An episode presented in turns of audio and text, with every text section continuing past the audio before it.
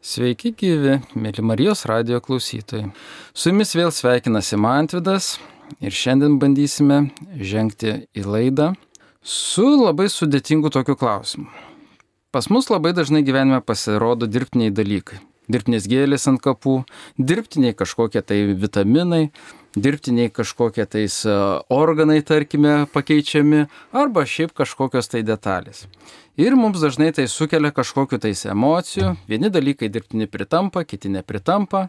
Žinome, kad plasmasinės gėlės ant kapų geriausiai laikosi žiemą, o vasarą jau jų nebebūna, mieliau dedame gyvas. Ir dar galime pasakyti, kad tas dirbtinumas turbūt mūsų gyvenime labai dažnai auga. Ir šiemet, ir pernai, ir jau keli metai mes susidurime su dar vienu dirbtiniu dalyku. Tai yra dirbtinis intelektas. Šiandien apie jį bandysime ir diskutuoti. O pas mus į laidą į svečius atėjo Vytauto didžiojo universiteto informatikos fakulteto profesorius Gailius Raškinis. Labas vakaras. Labas vakaras. Tai dabar, mielas svetiai, papasakokite, kas tai yra apskritai dirbtinis intelektas.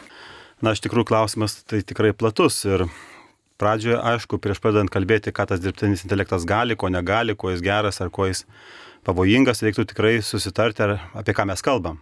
Kas tas dirbtinis intelektas. Tai iš tikrųjų pats tas terminas arba žodis dirbtinis intelektas, jisai atsirado šeštajame, penktajame, šeštajame mūsų praeito amžiaus dešimtmetyje, apie 1952-3 metus, kai vienoje konferencijoje atsiradus jau skaičiavimo mašinoms ir na, pirmosioms programoms, mokslininkams kilo mintis, kad galbūt tie kompiuteriai ir skaičiavimo mašinos, pats programavimas kaip toks, tai yra įrankis, kuriuo būtų galima sukurti na, žmogaus mąstymo modelį ir galbūt netgi va, dirbtinį protą. Kaip vat, stalių įrankis yra plaktukas, taip pat programavimas, kompiuteriai galėtų būti tie įrankiai, tie statybiniai vat, blokeliai, iš kurių padarytume dirbtinį intelektą. Na ir nuo to laiko tas terminas prigijo. E, iš tikrųjų, e, kaip vėliau gal paminėsiu, buvo tokių kaip susižavėjimo laikotarpių to dirbtinio intelektų, atoslūgių, kai pasirodydavo, jog jo galimybių ribos yra pasiektos. Tačiau bet kuriuo atveju, kalbant apie dirbtinį intelektą, reiktų atskirti galbūt du, du aspektus to dirbtinio intelekto. Tai vad pradžioje e, tas dirbtiniu intelektu buvo suprantamas, nu, tiesiog siekis sukurti, nu, gal ne dirbtinį žmogų, bet bent jau dirbtinį žmogaus protą. Reiškia, turime galvoje sukurti tokią, nu, tokį intelektą, kuris priliktų žmogui. Vėliau e, atsirado kitas aspektas, e, taikomasis aspektas, sakyčiau, tai yra sukurti programas, kurios darytų kažką taip e, kokybiškai, kaip žmogus daro. Na, pavyzdžiui, išverstų iš anglų kalbos į lietuvių arba e, žaistų šachmatais, nes va šita veikla, tiek šachmatų žaidimas, tiek vertimas, jos buvo būdingos tik žmogui. Tai va, jeigu programa jau gerai žaidžia šachmatais, tai galbūt tai jau ir dirbtinis intelektas.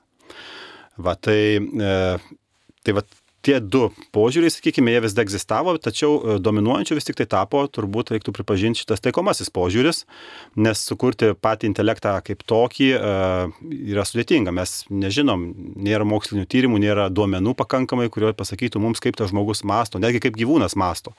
O kad gyvūnas turi intelektą, tai tikrai abejonių nekyla, nes jisai sugeba labai išgyventi sudėtingo aplinkoje, rasti maisto, rasti patiną arba patelę, grįžti namo už kelių šimtų kilometrų ar keliasdešimt. Žodžiu, ta prasme, jo veikla irgi yra tikrai sudėtinga. Tai vat, e, tas e, bendrasis aspektas jisai yra, nu, kaip čia pasakyti, netoks pelningas. Netoks pelningas ir yra labai daug daugiau klausimų negu atsakymų, todėl e, didžioji, sakykime, pastangų mokslinių dalis e, buvo nukreipta į taik, taikomosius produktus, kurie yra na, komerciškai patrauklus. Na, visada gali parduoti automatinio vertimo sistemą arba e, šnekos atpažinimo sistemą. Tai va, tai, tai ir šiuo metu, vat, žmonės kalbėdami apie dirbtinį intelektą dažnai vat, įsivaizduoja chat GPT, kitas sistemas, tai, tai jos iš tikrųjų yra vis tik tai, tai sistemos, kurios sukurtos remiantis taikomoju požiūriu.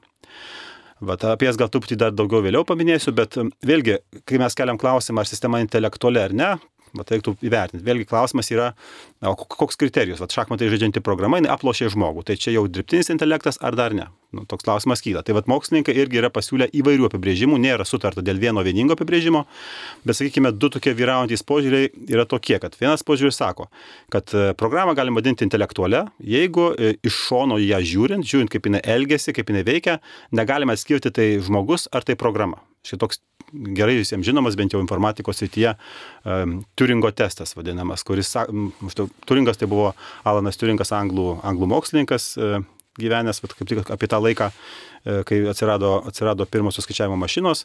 Ir jis suformulavo tą testą maždaug taip. Jis sako, įsivaizduokite, kad vat, prie kompiuterio ekrano prieina žmogus ir jisai per klaviatūrą bendrauja su kažkuo, kas yra kitoje sienos pusėje, jis nemato, su kuo bendrauja, jis parašo klausimą, gauna atsakymą, vėl parašo kažkokį tai klausimą, gauna atsakymą. E, ir jeigu bendraudamas su tuo kažkuo už sienos jisai nesugeba atskirti, ar tai žmogus, ar tai mašina, o ten, pavyzdžiui, iš tikrųjų yra mašina, vadinasi, ta mašina jau yra dirbtinis intelektas. Tai reiškia, šito, šito, šito apibrėžimo požiūrio visiškai nesvarbu, kokiais principais remiantis ta mašina veikia, svarbu, kad iš šono žiūrint, terminalą žiūrint, tie klausimai nuo atrodo tarsi žmogaus atsakymai. Tai, tai reiškia, čia toks vienas, sakykime, būdas apibrėžti per elgseną. Kitas e, požiūris alternatyvus, jisai yra bandymas sakyti arba apibriežti dirbtinį intelektą per patį principą, kaip jisai veikia. Reiškia, kitas e, tyrėjas, toks serlas, jisai e, kontrargumentus šitam požiūriui patikė. Sako, įsivaizduoju kitokią situaciją, kad va, yra kambarys, tame kambaryje yra stalas, kambarys uždaras, aiškia, stalas, ant stalo knyga, kurioje parašytos taisyklės, kaip reikia e, versti iš kiniečių kalbos hieroglifų į anglų kalbą. Šitame kambaryje sėdi žmogus, kuris visiškai nesupranta kiniečių kalbos, na, bet tą knygą jis gali vartyti ir atrasti taisyklės. Aš jam po durimis pakišamas raštelis su kiniečių hieroglifais, jis pasiemęs tą raštelį nesuprasdamas nieko, knygoje atverčia reikiamą puslapį, perrašo anglų kalbą žodžius ir iškiša raštelį anglų kalbą pro duris. Reiškia, Žiūrovui žiūrinčiam iš kambario išorės, pro duris įlenda kiniečių raštelis, iš po durų išlenda atgal anglų kalba išvestas raštelis. Aiškiai, jam turėtų atrodyti, kad tas, kas kambaryje sėdi, turi mokėti kiniečių kalbą. Tačiau tas žmogus realiai kiniečių kalbos nemoka, jis tik tai vykdo instrukcijas. Tai vat, šitas požiūris iš tikrųjų, pagal šitą požiūrį, čia dirbtinio intelekto nėra. Tai vat, nes, nes iš principo veikimas, pats, vat, pats principas, kaip kas ten tame kambaryje yra, jis visiškai nesusijęs su aiškia, kiniečių kalbos supratimu. Tai va šitie du požiūriai, jie nu, visada konkuru, konkuruojantys tam tikrą prasme yra ir čia galbūt, tarkim, tas chat GPT naujasis įrankis, jisai labiau būtų artimas tam dirbtiniam intelektui, remiantis to pirmojo požiūriu, nes kai mes iš tikrųjų užduodame klausimą, gauname atsakymą, na, šiek tiek pas, pas susirašinėje galime atskirti, kad tie klausimai, nu, atsakymai nėra žmogaus atsakymai, bet tai yra jau neblogas prieartėjimas prie va to, sakykime, pirmojo, pirmojo Turingo testo e, sąlygų. Tai žodžiu, Šitą prasme būtų galima galbūt sakyti, kad jis yra netoli dirbtinio to intelekto apibrėžimo, kaip jį apibrėžė Turingas. Tai va, tai, tai va, ką vadinti dirbtiniu intelektu, iš tikrųjų mums reiktų susitarti, galbūt galim iš tikrųjų na, priimti tą požiūrį, sakykim, šiuo atveju, kad pagal elgseną, pagal tai, kaip elgesi, nesvarbu, kaip veikia viduje, bet jeigu atrodo iš šono, kad tai yra intelektualu, o galim laikyti, kad tai intelektualu. Tai va, tai ir kaip sakyti, na, tas tas dirbtinio intelekto pati vat, kaip mokslo šakos ar srities e, vystimosi eiga buvo tokia, na, banguota. Aiškia, buvo laikotarpis, kai būdavo, sakykime, sukūriamas naujas algoritmas, e, matoma, kad jo galimybės, pasiekėm, nu, pavyzdžiui, pirmieji, pirmosios sistemos, kurios verčia iš vienos kalbos į kitą, na, susižavėjimo laikotarpis, daugam atrodo, kad jau viskas, mes turėsim dirbtinį intelektą tuoj čia pat, galų gale ta technologija arba tie algoritmai pasiekia savo galimybių ribas, na ir tada žmonės supranta, kad, na, va, tokių dalykų, tokių ir tokių mes neišspręsim su šitais algoritmais. Na, ateina atoslūgis, šiek tiek toks atvėsimo laikotarpis, tol kol vėl neatsiranda koks naujas algoritmas, kuris vėl, aiškiai, gali daugiau, Dažniausiai tai būna dėl skaičiavimo greičio, kadangi auga skaičiavimo greitis, auga atitinkamai ir galimybės kompiuterio per tą patį laiką padaryti daugiau sudėtingų skaičiavimų. Na, vat. Tai va šiuo metu mes esame vėlgi ant tokios didelės bangos keteros dirbtinio intelekto, tai nėra kažkoks, sakyčiau, na, iš esmės principinis lūžis arba kad čia išradome dirbtinį intelektą. Tiesiog tai yra procesas banguojantis, na ir šiuo metu va, dar galbūt nepasiekta to va, tų algoritmų, kurie dabar yra siūlomi ir su kuriais skaičiuojama galimybių ribos, dėl to mums atrodo, kad da, viskas prieš akį, bet aš nenustepčiau, jeigu po kažkiek laiko mes vėl pamatytume, kad na, tam tikra riba pasiekta ir vėl reikia naujų, naujų, naujų idėjų, kad, kad toliau važiuoti šitoje kryptyje. O papasakokite, kaip apskritai taikomasis dirbtinis intelektas yra kūriamas? Šiuo atveju dabartiniu metu, sakykime, iš tikrųjų daugiausiai naudojami yra tokie, toksai, sakykime, na, įrankis, kuris vadinasi neuronų tinklai. Ir e, iš principo jisai yra viena iš mašininio mokymo rūšių. Mes suprantam, kad e, jeigu algoritmas nesugeba arba na, sistema, robotas nesugeba mokintis vienaip ar kitaip, tai jisai na, negalės būti panašus, nu, jo intelektas bus labai ribotas. Tu jį suprogramuosi, nu, kaip plovyklai mašinų, ar ne? Įvažiuosi automobiliu, tau, aiškiai, padaro tą pačią veiksmų seką, tie šie pečiai važiuoja aukštyn žemyn, na ir tuo baigėsi visas roboto veikimas. Jis, jisai ne, ne, nesimokina ir, ir ta prasme, jo adaptyvumas yra labai, labai, labai ribotas. Tai vad praktiškai visada e, visur naudojamas vienoks ar kitoks e, na, mokinimasis. Mokinimasis, dabar, kai kalbam apie mokinimąsi, čia turime galvoj, kaip mokinasi algoritmas.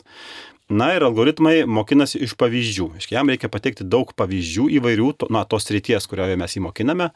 Sakykime, jeigu kalbėtume apie kokį nors, na, šnekos e, atpažintuvą, kada, aiškiai, mes norime, kad pasakytą mūsų na, garso frazę arba šitos laidos įrašą užrašytų tekstų kas nors. Tai ką tai reiškia? Reiškia, kad mes e, norėdami sukurti, apsakykim, to taikomo dirbtinio intelekto priemonę, šnekos atpažintuvą, turėtume pateikti daug pavyzdžių. O čia yra įrašas, o čia vat, yra tekstas, kas buvo sakyta. Čia kitas įrašas, čia vėl jį atitinkantis tekstas. Na ir tik tai ta klausimas, kiek tų pavyzdžių reikia ir kokiu algoritmu tai apdoroti. Tai tų algoritmų, kaip mokytis, yra įvairių, jie yra skirtingi. Galbūt, galim pasakyti, iš tikrųjų yra tokios trys plačios grupės tų metodų. Vieno, vieni metodai reikalauja labai detalaus, sakykime, žmogaus arba eksperto, galim padinti ekspertų iš bendro, bendro E, tokią bendrą frazę naudot, įsikišimo, kad vat, ką tik paminėjau, tai yra iš tikrųjų vat, šitas būdas mokinti pavyzdžiais, kai pasakau, čia garso įrašas, čia tekstas, jisai reikalauja, kad kažkoks žmogus šalia sėdintis paruoštų tos duomenys. Aš išklausęs įrašą, jis turi suvesti visą tą tekstą ir galbūt ne tik, kad tekstą suvesti, bet dar irgi pasakyti, vat, kurioje vietoje koks žodis, ta prasme, atlikti tam tikrą sinchronizaciją. Toliau yra e, kiti mokymosi metodai, vadinamas mokymas pastiprinimu, kai, mm, kai tada, kai ekspertas pasako tik tai dalį informacijos. Nu, va, tipinis, sakykime, toks mokymosi būdas būtų cirko dresūra. Aiškiai, meškai tu gali aiškinti, kiek nori, kad lipk ant dviratuko ir mink, jinai nepaklausys tavęs, tu, nes jinai tiesiog nesugeba tos informacijos priimti. Kaip jinai mokinama, jinai mokinama po truputėlį, įduodant teigiamus arba neigiamus, nu, sakykim, signalus. Teigiamas signalas būtų koks nors saldainiukas arba tai, ką ta meška mėgsta.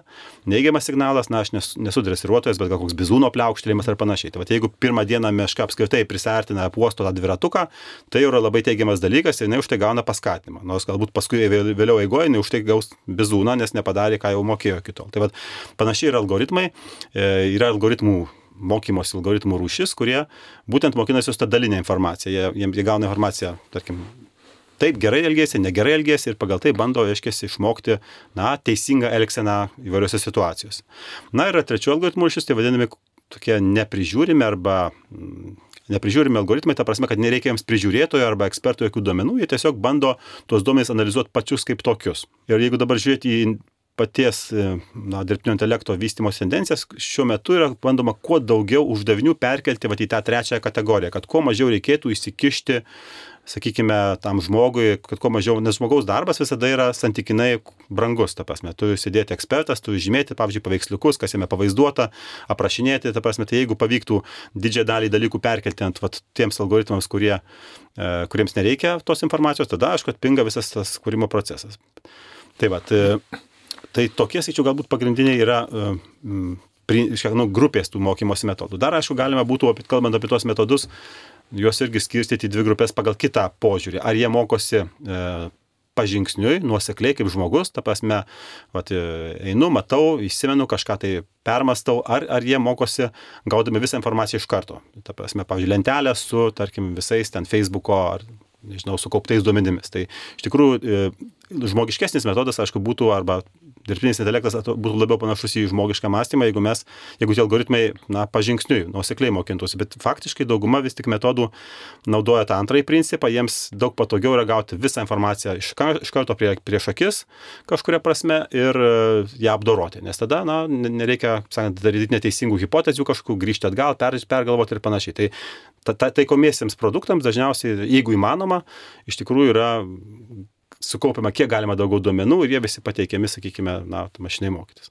Na, o dabar pats mokymosi algoritmas, kokie dabar, sakykim, patys populiariausi. Tai šiuo metu yra, aišku, tie neuroniniai tinklai. Neuroniniai tinklai ypač giliai neuronų tinklai. E, kas tas neuronų tinklas iš principo yra? Na, reiktų įsivaizduoti, kad jisai yra tokių, kaip čia pasakyti, e, skaičiavimo elementukų rinkinys. Aš kiekvienas neuronas arba tas dirbtinis neuronas tai yra skaičiavimo elementas, kuris susumuoja į ateinančius skaičius. Tik tiek, kada prieš susumuodamas juos, jis juos padaugina iš koficijantų, iš svorių, vadinkim taip. Na, o to neurono išėjimas paduodamas į kito neurono įėjimą. Na, ir tų neuronų gali būti, na, milijonai, netgi milijardai šiuolaikiniuose tuose tinkluose.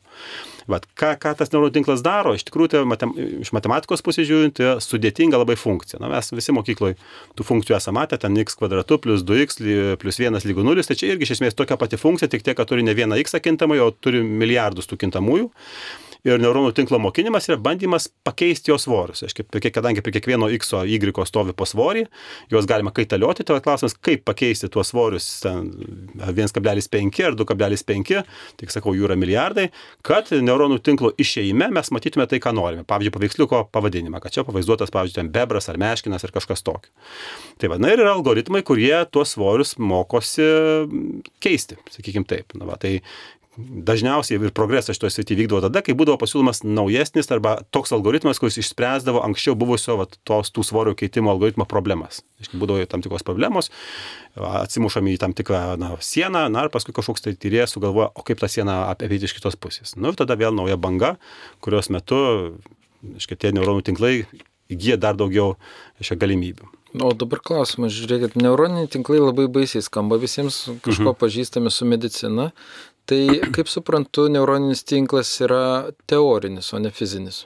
Na tai yra modelis, kaip čia pasakyti. Čia, aš jau kalbam apie, ne apie medicininį neuronų tinklą, nes medicininių, kaip čia pasakyti, biologinių neuronų niekas sukonstruoti nemoka. Juos tai galim galbūt stebėti, tenais, nežinau, neurochirurgai mato neuronus ir panašiai.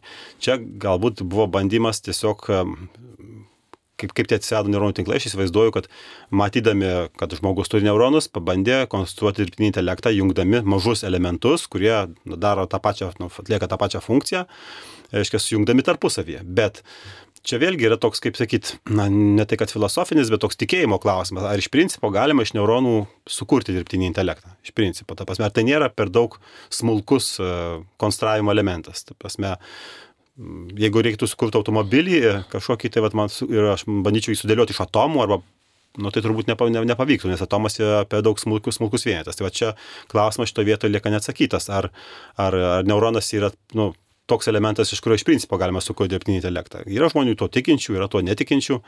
Na dabar šiuo metu, sakykim, tie neuronų tinklai rodo pakankamai neblogą pagerėjimą, tų tikinčių atsirado daugiau. Va, bet vis tik tai kaip sakyt, kaip iš principo tai yra sudėtinga matematinė formulė. Ta prasme, galima būtų net nenaudoti žodžio neuronas, uh -huh. galėtume sakyti sudėtinga funkcija ir kaip sakyt, ta funkcija tokia, kad, kaip sakyt, nu, jeigu vėlgi pasižiūrėti truputį į kokie, kokios yra alternatyvos tiem neuroniniam tinklam būdavo ir naudojami, dar tebėra naudojami, sakykime, mokymosi metodai, kurie išmoksta taisyklės. Na, pavyzdžiui, aš paduodu informaciją apie ligonius ir ta tas mokymosi metodas kitoks, jisai išmoksta, pavyzdžiui, tokias taisyklės. Jeigu ligonis ten turi 38 daugiau laipsnių temperatūros ir jo veido spalva raudona ir jo širdies ritmas tenai toks ir toks, ir dar ten kokie kraujo tokie tyrimai, tada jisai serga, sakykime, ten gelta pavyzdžiui, arba, arba tada jam prieš infarktinė būsena. Tai va šitokio tipo metodai, jie, jų rezultatą gali žmogus suvokti ir suprasti. Nes taisyklę mes suprantam, man jisai algoritmas mokėsi, davė tokią taisyklę, aš kaip gydytojas profesionalas pasižiūrėjau, sakau, tvarkoju, čia įdomu, tinka. Kita taisyklė, to, nu čia nesąmonė, aš ją pats galiu atmesti. Tai va su neuroniniais tinklais yra kitaip. Aiškiai, jų atsakymo mes negalime koreguoti. Tai yra didžiulė svorių, arba didžiulė skaičių sankaupa. Vienas skaičius pats savaime nieko nereiškia, jie reiškia tik tai visumoja kažką tai ir tu negali ištaisyti ten kažkokių tai klaidų, atmesti kažko, arba tu jį visą priimi, arba tu jo nepriimi ir jeigu jis veikia neteisingai, tu negali pataisyti klaidos iš principo. Tai, tu gali tik vienintelį dalyką, ką gali padaryti, tai gali nebent prikaupti dar daugiau duomenų, ypatingai tokių, su kuriais jisai daro klaidas, ir pabandyti visą tą mokymo procesą paleisti iš naujo, tikėdamasis, kad ta klaida galbūt bus ištaisyta. Bet va to nu, lankstumo tokio, kad va, pataisyti klaidą rasta, tokios galimybės nėra. Tai va, tai čia, sakyčiau, toks yra jo, nu ir, kaip sakyti, turbūt trūkumas, reiktų sakyti, šito vietoje, nes, nes dažnai mes žmonės aptikę klaidą norime ištaisyti, mums norisi įlysti, va, jeigu radau, kad ten kažką negerai darau, pataisyti tame toje programoje. O čia šitos galimybės iš tikrųjų kaip ir nėra. Tai vad man ir klausimas kyla, nes iš esmės, jeigu turime algoritmą, kuris ieško atsakymo taip arba ne, klausimas kaip yra su atsakymu galbūt arba neutraliu atsakymu. Na, maut, tie neuronų tinklai nebūtinai turi atsakymą tik taip arba ne. Kai kuriais atvejais, sakykim, gali būti dvi klasės, ar ne, ten pavojingas žmogus, ar nepavojingas, ar ne. Bet iš principo tai jie yra lankstesnė, tu gali tenais tų klasių arba tų atsakymų turėti kad ir tūkstantį, pavyzdžiui, pat paveiksliukų e, atpažinimo uždavinys. Na, paveikslėlis viena, pavaizduotas medis, kitame debesėlis, trečiame baružėlė. Tų klastų, aiškiai, tų vat, atsakymų gali būti labai daug ir kokius duomenys aš turiu, aš galiu mokinti neuronų tinklą taip, kad jis man duotų vieną iš tūkstančio atsakymų. Kai kuriais atvejais gali būti, sakau, atsakymas taip, ne, nežinau. Uh, yra toks, sakykime, uždavinys, uh, tai vadinamas sentimentų analizė, bet iš tikrųjų tai yra daugiau nuomonės analizė. Yra, um, vėlgi, taikomieji, nu, taikomieji sukurtos programos, kurios bando pagal tekstą nustatyti, ar tai palankiai tą vertina, sakykime, kokia nors institucija, ar nepalankiai.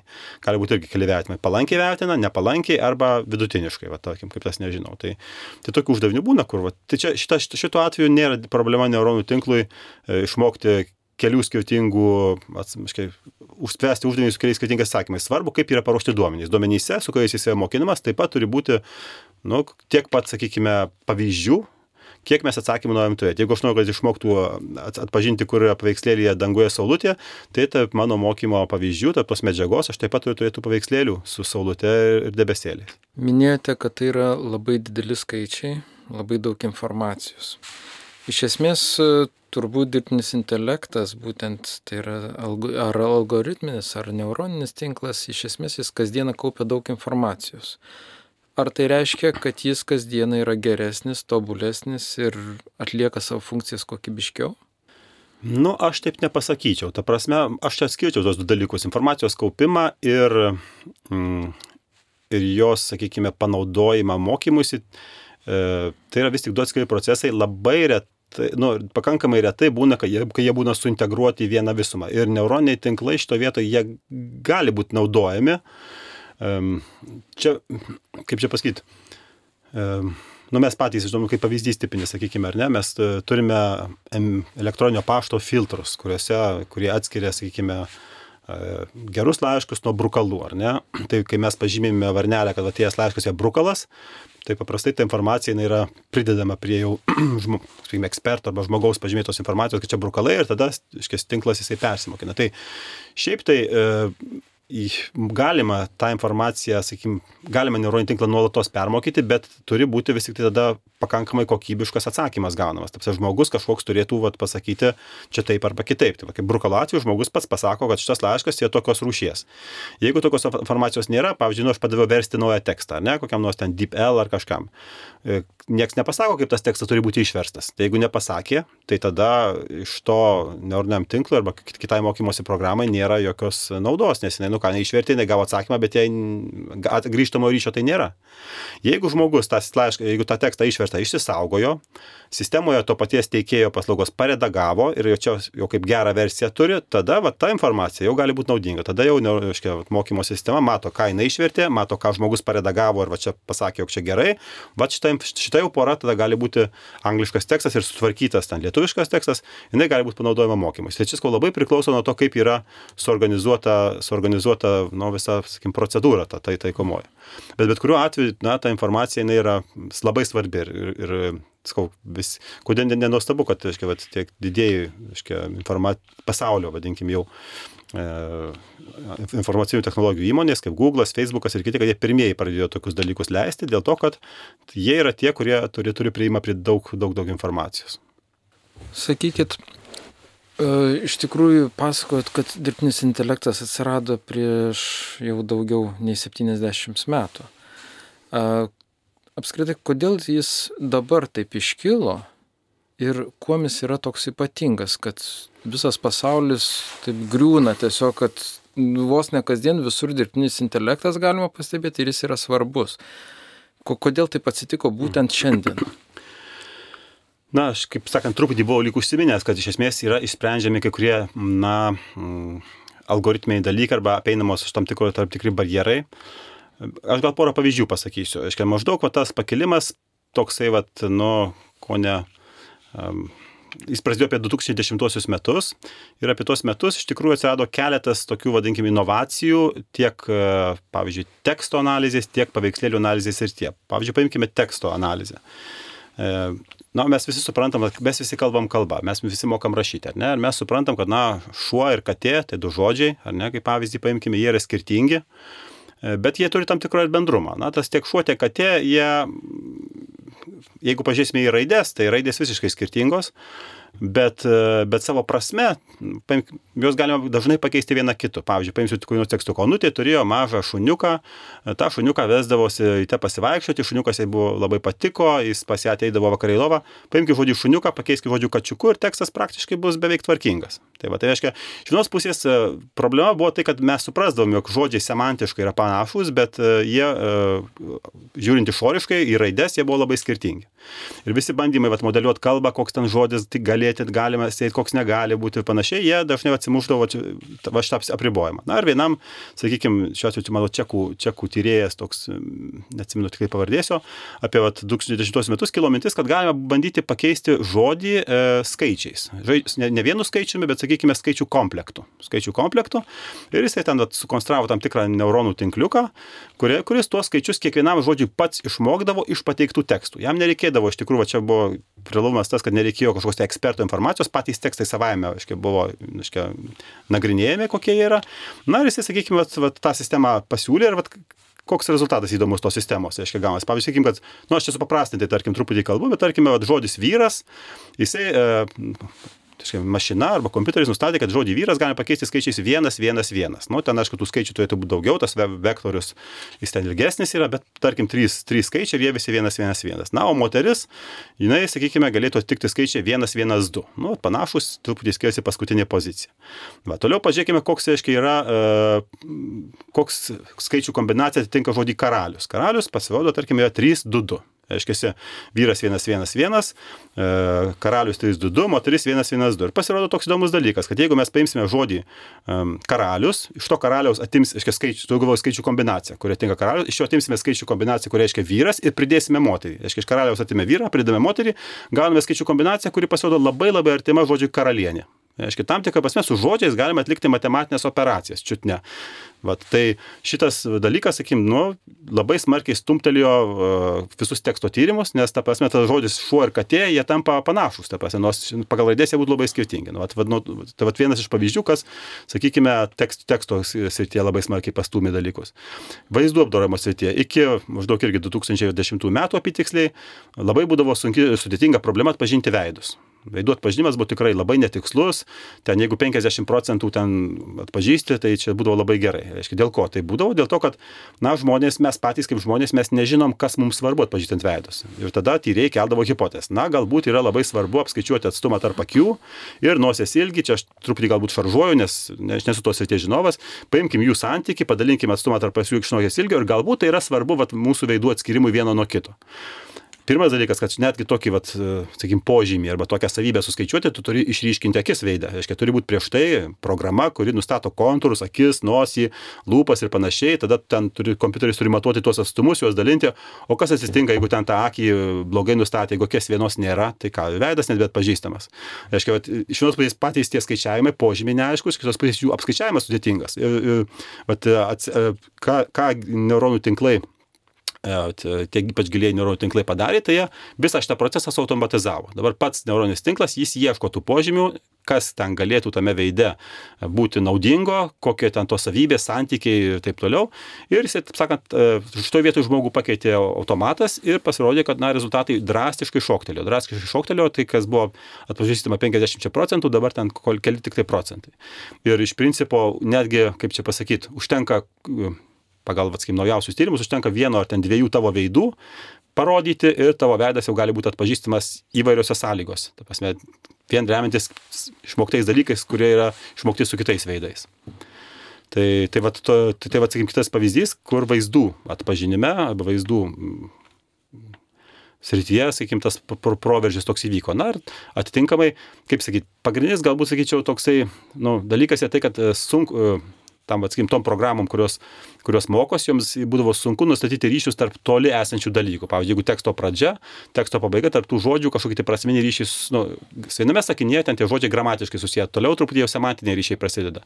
Tai vad būdavo sunku rasti tą ryšį tarp toli esančių teksto segmentų. Tai vad esant dabartiniai algoritmai, ir ypač vat, ką tas chat GPT ir jo analogai leidžia padaryti, tai iš tikrųjų rasti pakankamai ryšį tarp pakankamai toli nutolusių, nutolusių teksto dalių ir dėl to tada mums iš šono žiūrint susidaro įspūdis, kad jis suprato tekstą, nors ten tos ko supratimo nėra, ten yra tik tai skaičiai, realiai. Tai va.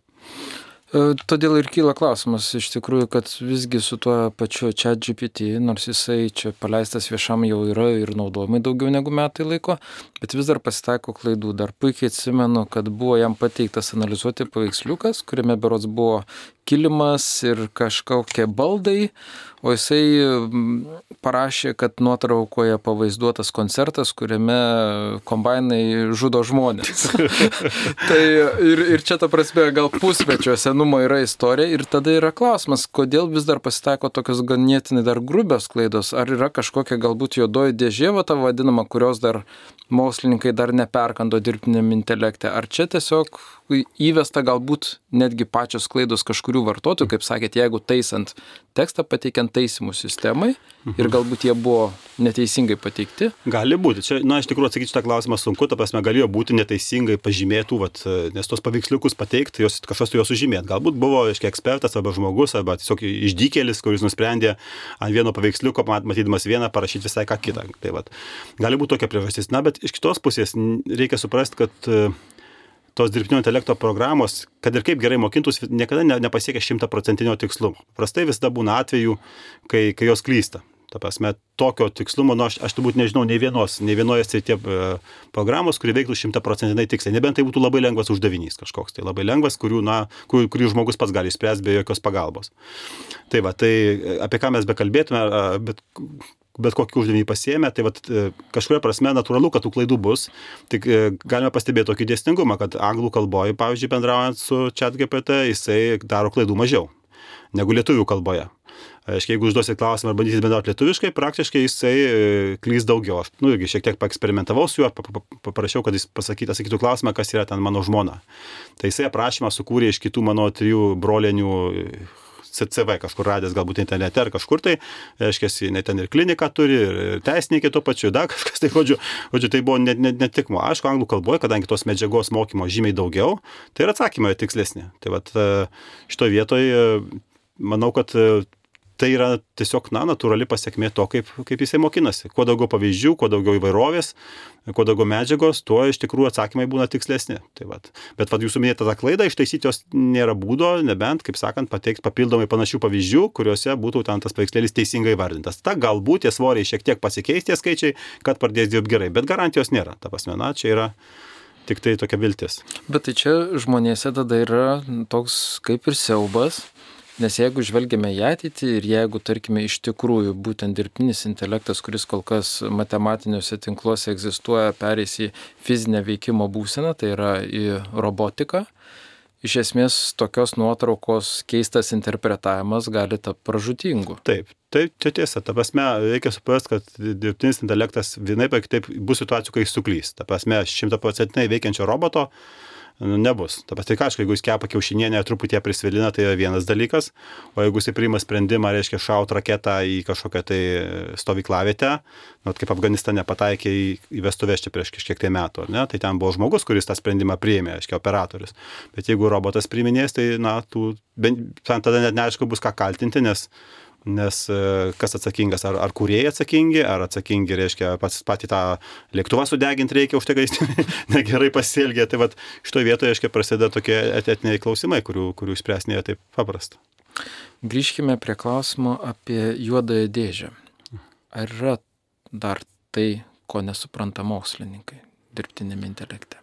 Na tai visas, visas neuronų tinklas yra juoda dėžė, ta prasme, tai, kaip sakyt, negali, ne, iš principo jo suprasti nėra kaip, tik tai žinai, kad visi tie svoriai, kurie va ten esame, visi tie skaičiai, kurie saugomi kažkokiuose tai lentelėse, jie visi savo visumą atlieka tam tikrą darbą, bet, bet jį suprasti, na, aišku, kuriant, konstruojant tos tinklus, žmogus jisai pasirenka tam tikrą struktūrą, tam, tam tikrą jo elementų sujungimo būdą, tarkime, kažkokius tokius dalykus žmogus renkasi, dažnai bando vieno, vienaip sujungti tos elementukus skaičiavimo, kitaip sujungti, e, ieško, kuris būdas duoda geresnius rezultatus, bet iš principo, reiškia, paties to, nu, sakykime, suvokti, ką tie skaičiai reiškia, nu, yra, yra iš principo nesuvokiama.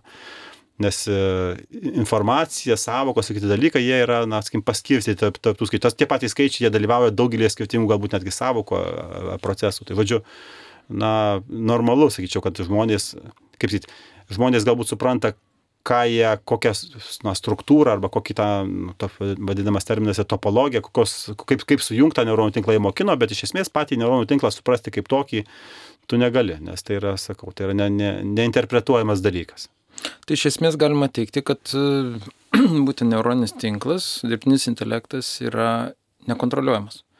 Jis yra ganėtinai laisvas ir kartais gali duoti nelauktų vaisių.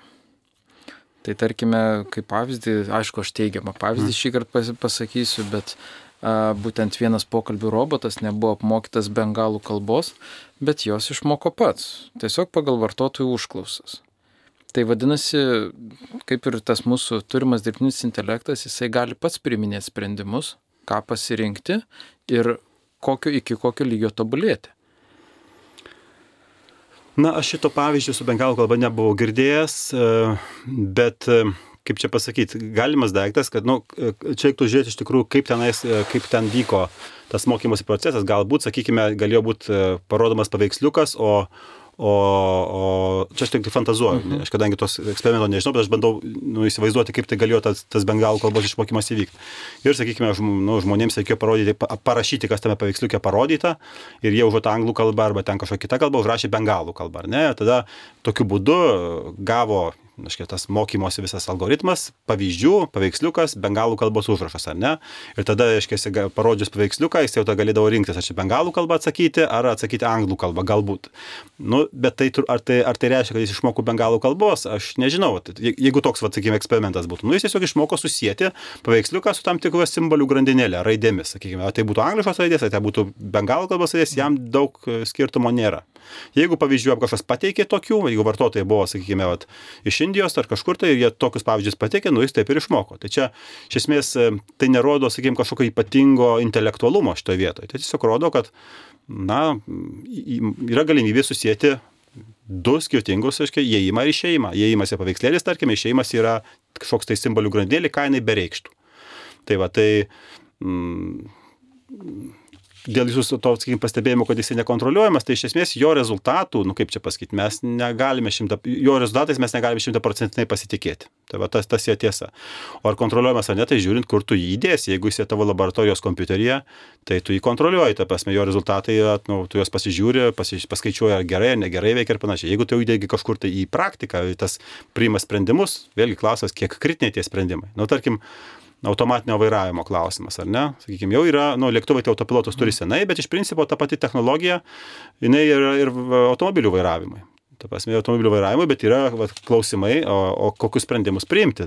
Aš galima išmokti labai įvairiai tą vairuotoją veikti. Pavyzdžiui, bet ką daryti tokioje situacijoje, sakykime, reiškia, mašina važiuoja, mato į gatvę staiga išbėga vaikas. Jis turi padaryti dirbtinis intelektas pasirinkimą, ar trenktis į medį ir sužeisti vairuotoją, ar važiuoti ant vaiko, ar ne? Tai vad, kaip turi būti jis apmokytas? Jeigu apmokysi vienaip, jis elgsis vienaip, apmokysi kitaip, elgsis kitaip. Jeigu tu apmokysi, kad trenktųsi medį, tai turbūt klientas nepirks tokio automobilio, ne? Jeigu apmokysi važiuoti ant vaiko, tai turbūt visuomenė visą sukils, kokį čia mums žvėrį žudiką tu išmokinai, supranti. Nu, va, ir va klausimas, ką, ką tokia atveju daryti, kas atsakingas, žodžiu, šitoje vietoje.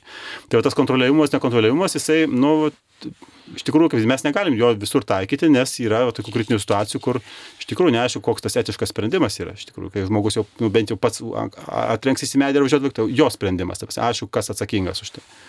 Nes iš esmės e, vieną dieną vis tiek e, dirbtinis intelektas taps multikultūrišku.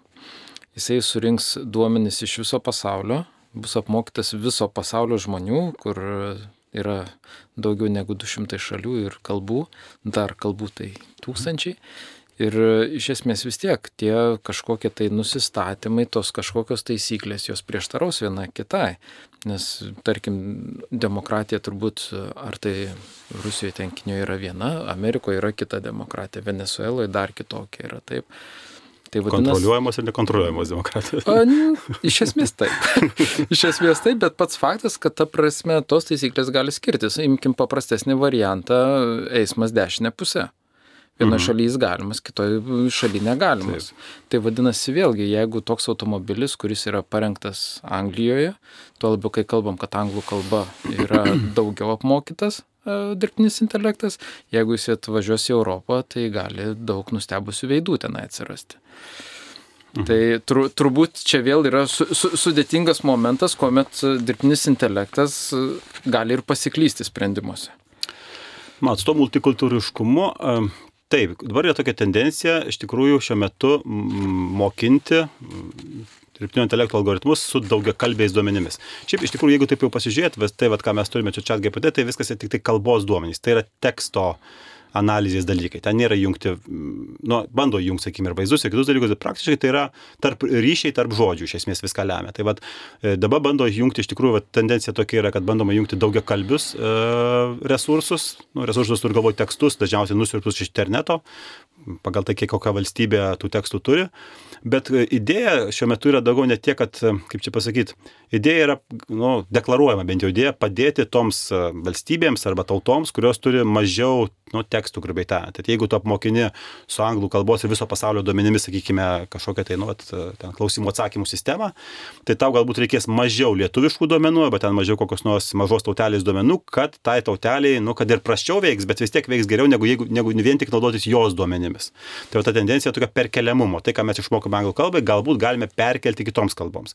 Bet tai ne visada veikia. Jeigu jūs, pavyzdžiui, pabandytumėt pasižiūrėti, paklausyti, pavyzdžiui, kaip veikia e, sintezatoriai šnekos. Aš kėdoje dabar labai populiariau gaunu kiekvieną dieną, ko ne visą reklamą, ten koks nors spičello ar dar kažkas, tai va, tik tai rašyk ir gausi lietuvišką tekstą. Jeigu jūs paklausymėte intonaciją, kaip šneka, tai ne lietuviška intonacija, tai yra angliška intonacija. Žodžiai lietuviški, bet iš tikrųjų nuleidžia balsą ar pakelia balsą ne tada, kai mes įpratę, o pagal anglų kalbos dėsnius. Nes tenais va, tas, tas aiškia, dominuojanti medžiaga yra angliška ir ji ne, neturi pakankamai lietuviško daug, aiškia, sakykime, tų pavyzdžių, kad permuštų arba perlaužtų. Ir jeigu mes va, tokias sistemas naudosim, nu, tai yra kažkaip pasim pavojinga, nes tada žmonės jau klausys tokį intonaciją, jie paskui pradės imituoti, nes atrodys čia gal lietuviška intonacija. Ta prasme, nu, ilgainiui bėgant, tu šimės transformuoji kalbą, naudodamas netobulus įrankius. Tai va, tokia irgi gali būti e, to daugia kalbiškumo, sakykime, e, multikulturalizmo šitoje plotmėje, sakykime, pasiekmės. Tai čia, nu, gerai, kad turi valstybinė Lietuvo kalbos komisija, kuri galbūt neprileis tokių netobulų įrankių, kurie, reiškia, nu, gadins, gadins mūsų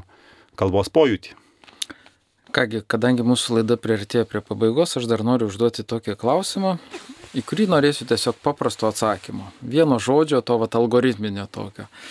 Tai turbūt daugelis klausytojų nu, bent jau pusė klausytojų yra matę tokį filmą Terminatorius, kuris pastatytas jau jo čia visas serijų milijonas vos ne, e, jau daugiau kaip 30 metų statomas. Ir vienoje iš serijų būtent buvo kalba apie dirbtinio intelekto, tik tuo metu jisai ten su karu buvo labai susijęs, e, būtent atsiradimą. Ir būtent kuomet išėjo momentas, kuomet kalba apie jo sunaikinimą, tai pasklido ta mintis, tiksliau buvo išsakyta kad jo neįmanoma sunaikinti, nes jis yra niekur ir tuo pačiu yra visur, pasklydęs per visus kompiuterius, per visus tinklus. Ar šiandien dienai dirbtinis intelektas jau pasklydęs? Nu, sakyčiau, ne. Dar tokio etapo mes neturim. Ta prasme, jis yra pasiekiamas, sakykime, to, tie rezultatai, ten, čia GPT ir kiti yra pasiekiami per tinklus, bet iš esmės mes jį maitinam patys savo, savo duomenimis, bet kokiu atveju. Tai nuo žmonių, ar jie maitins tais duomenimis ar ne, daug kas ir priklauso, tapsia, kaip jis eis, kaip jis vystysis ir panašiai. Bet čia jau iš tikrųjų atskira tema apie, apie, apie duomenų, savo duomenų teikimą, privatumą, naudojimą. Čia, žodžiu, galima būtų labai išsiplėsti, bet, bet dar šiuo, šiuo atveju aš, mes terminatoriaus tos situacijos nesame pasiekę, nu gal ir nepasieksim net, nežinau. Puiku, ačiū Jums labai tada už laidą. Dėkui. Čia buvo laida Tiesos beieškant, pas mus svečiuose viešėjo Vytauto didžiojo universiteto informatikos fakulteto profesorius Gailius Raškinis. Čia buvo jūsų nuolankus tarnas Mantvidas ir apie dirbtinį intelektą iš tikrųjų mes dar kalbėsime sekantį kartą, būtent aiškinsimės plačiau apie jo etiką ir apie jos sklindamas, tiksliau į jį sklindamas žinias. Palaiminto vakaro, mėly klausytojai. Sudė.